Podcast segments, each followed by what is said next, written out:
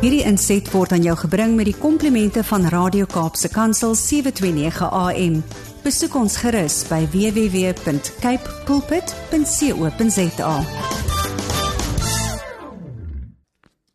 Goeiemôre liewe luisteraars en welkom by nog 'n episode van Geestesgesondheid net hier op Radio Kansel en Kaapse Kansel. My naam is Gerda Kriel, ek is 'n kliniese sielkundige van Somerset Wes. En hierdie maand van September praat ons oor die onderwerp van rus, hoe dit lyk. Nou as jy met ons saamgevolg het hierdie reeks, is ek besig om julle meer te vertel oor die boek The Ruthless Elimination of Harry deur John Mark Comer. En julle kan regtig die moeite doen om die boek in die hande te kry en te lees of net selfs vir hom te volg op Instagram of Facebook. Die insigte wat hy het oor om soos Jesus te leef en om ons lewens in rustigheid en in vrede te voer, is werklik wonderlik en verfrissend veral in 'n era waar ons die boodskap die hele tyd kry dat ons meer moet doen, vinniger moet doen, haastiger moet doen. Die wêreld werk nie eenvoudig nie so nie. Nou hierdie week wil ek spesifiek stil raak en met julle praat oor die idee van Sabbat. Goed. Vir baie mense in die kerk en in die wat sê die moderne kerk word die Sabbat gesien as 'n wettiese onderhouding van 'n argaïese instelling. Maar as jy die meeste van hulle vra, moet ons die 10 gebooie onderhou, sal hulle sê ja en en die Sabbat is een van die 10 gebooie, reg? Nou as Jesus of as God gevoel het, dit is belangrik genoeg om vir ons 'n gebod te gee oor rus. En hy heg dieselfde waarde daaraan as om te sê jy mag nie moord pleeg nie of jy mag nie egbreek pleeg nie. Beteken dit nie dat ons dit ook 'n bietjie ernstiger moet vat nie? Maar wat beteken dit om te sabbat en en hoekom het dit in onbruik verval in die moderne tyd? Wel, met die industriële revolusie moes mense meer en langer ure werk en as ons kyk hier van die 1820s af het mense begin om te sê dat 'n Sondag is 'n dag vir rus en daarop het hulle gerus. Maar hoe meer en meer die moderne tyd aanbeweeg het, hoe meer het besighede besluit hulle wil geld maak. 7 dae van die week en nie net 6 dae van die week nie. Nou, die van julle wat 'n bietjie ouer is en ek self wat nog nie so oud is nie, kan in my kinderdae tyd onthou wat die winkels op 'n Sondag of vroeg toegemaak het of baie winkels was glad nie oop nie. Dit beteken jy moet jou inkopies op 'n Saterdag gaan doen het en ek het in Johannesburg groot geword en daar was ook winkels daar wat net nooit um, op 'n Sondag oop was nie. Maar wat het gebeur?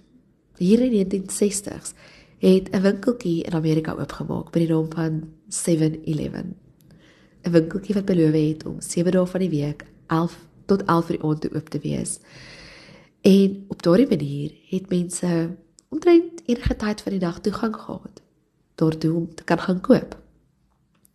Dit het nie lank gevat nie of meer en meer besighede het begin om die dag ook oop te hou op 'n Sondag oop te wees. En ek fokus maar op 'n Sondag nie net omdat ek dink jy ons moet wetties wees oor watter dag die Sabbat gehou moet word nie, maar dat ons 'n dag in die week moet uitkies om te rus is is uit en uit deur God voorgestel as 'n geskenk vir die mens.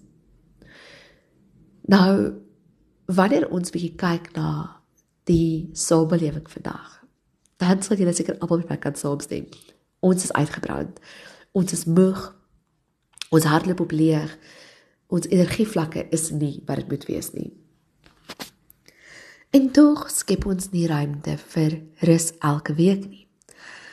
Saterdag of Sondag, die gewone rusdae, word skielik volgeprop. Ons gaan kerk toe, En dan gaan ons by vriende kuier of ons gaan braai of ons gaan strand of ons gaan uit, ons gaan na 'n restaurant toe of ons gaan doen ons week se inkopies. Ons maak die huis skoon, ons trek reg. Ons rus nie. En dan wanneer maandag inkom, is ons moeër as ooit tevore. En die siklus herhaal week na week na week. Nou, John Montgomery het in sy boek 'n bietjie navorsing geskryf oor mense wat die Sabbat onderhou. En interessante navorsing het gewys dat gelowe wat 'n 7 dag week siklus het waarop daar 'n dag se rus is en die navorsing vir alles gedoen in Amerika op die 7 dag adventiste gemeente het gevind dat hulle 15 jaar langer leef gemiddeld as ander gelowiges wat nie sabbat onderhou nie. Interessant om te dink dat die impak van rus jou dalk 'n langer lewe kan gee.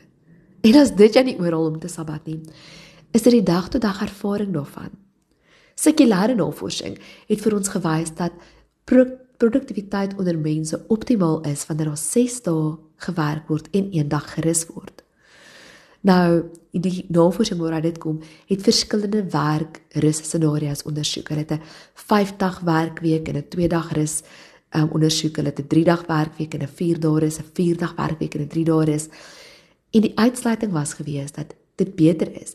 Mense is meer uitgerus, mense is meer gemotiveerd, meer produktief wanneer hulle 6 dae werk en 1 dag rus. Dit is nie wetenskaplik nie. Alhoewel die wetenskap dit bewys, is dit goddelik. God het dit ingestel. God het ons so gemaak met 'n ritme om eendag van die week te rus. Nou, hoe kan so 'n Sabbat lyk?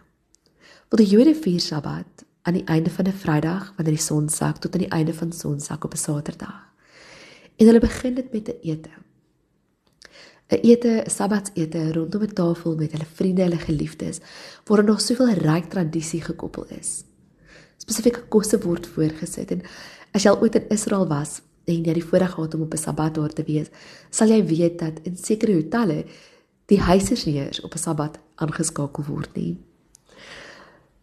En dan word die kos vooraf in die week voorberei sodat selfs die vrouens op Sabbat 'n rusdag kan kry. Niemand maak kos nie. Niemand is besig met die alledaagse taakies of die alledaagse werkgoedjies nie. Bokshokker beskryf in sy boek dat The Sabbath is a day for worship and rest. Dit help nie jy rus net en kyk die hele dag Netflix nie. Geliefdes, dit is nie Sabbat nie nee. Dit is 'n sekulêre manier van om jouself af te trek, jou aandag af te trek van dit waaroor Sabbat regtig moet gaan. Naamlik 'n stille, diepe nadertrek aan God ons Vader. Ek dink aan die Sabbat as 'n dag waarop ons op God se skoot kan klim en in liefde vir hom kan sê hier is ek Here. Ek wil vandag net by u kuier. En dit dan so intrek.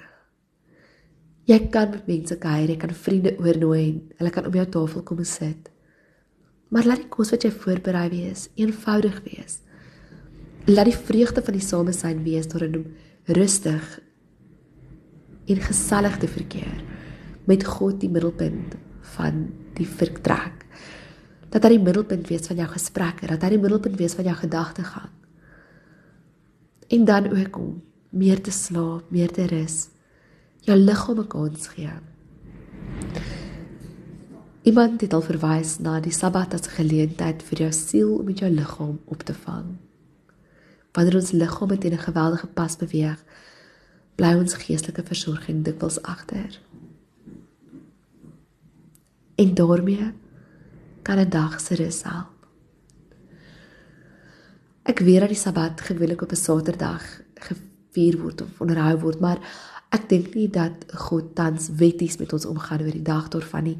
Um en ek is nie 'n teoloog nie, so hierop jy my nie by teologie asseblief kruisig nie. Ek bly as sielkundige. Maar as ek dink daaraan dat uit 'n geestelike geestesgesondheidsperspektief uit is 'n dag se rus wat so baie mense nodig het. God het ons gemaak om rustiger te lewe.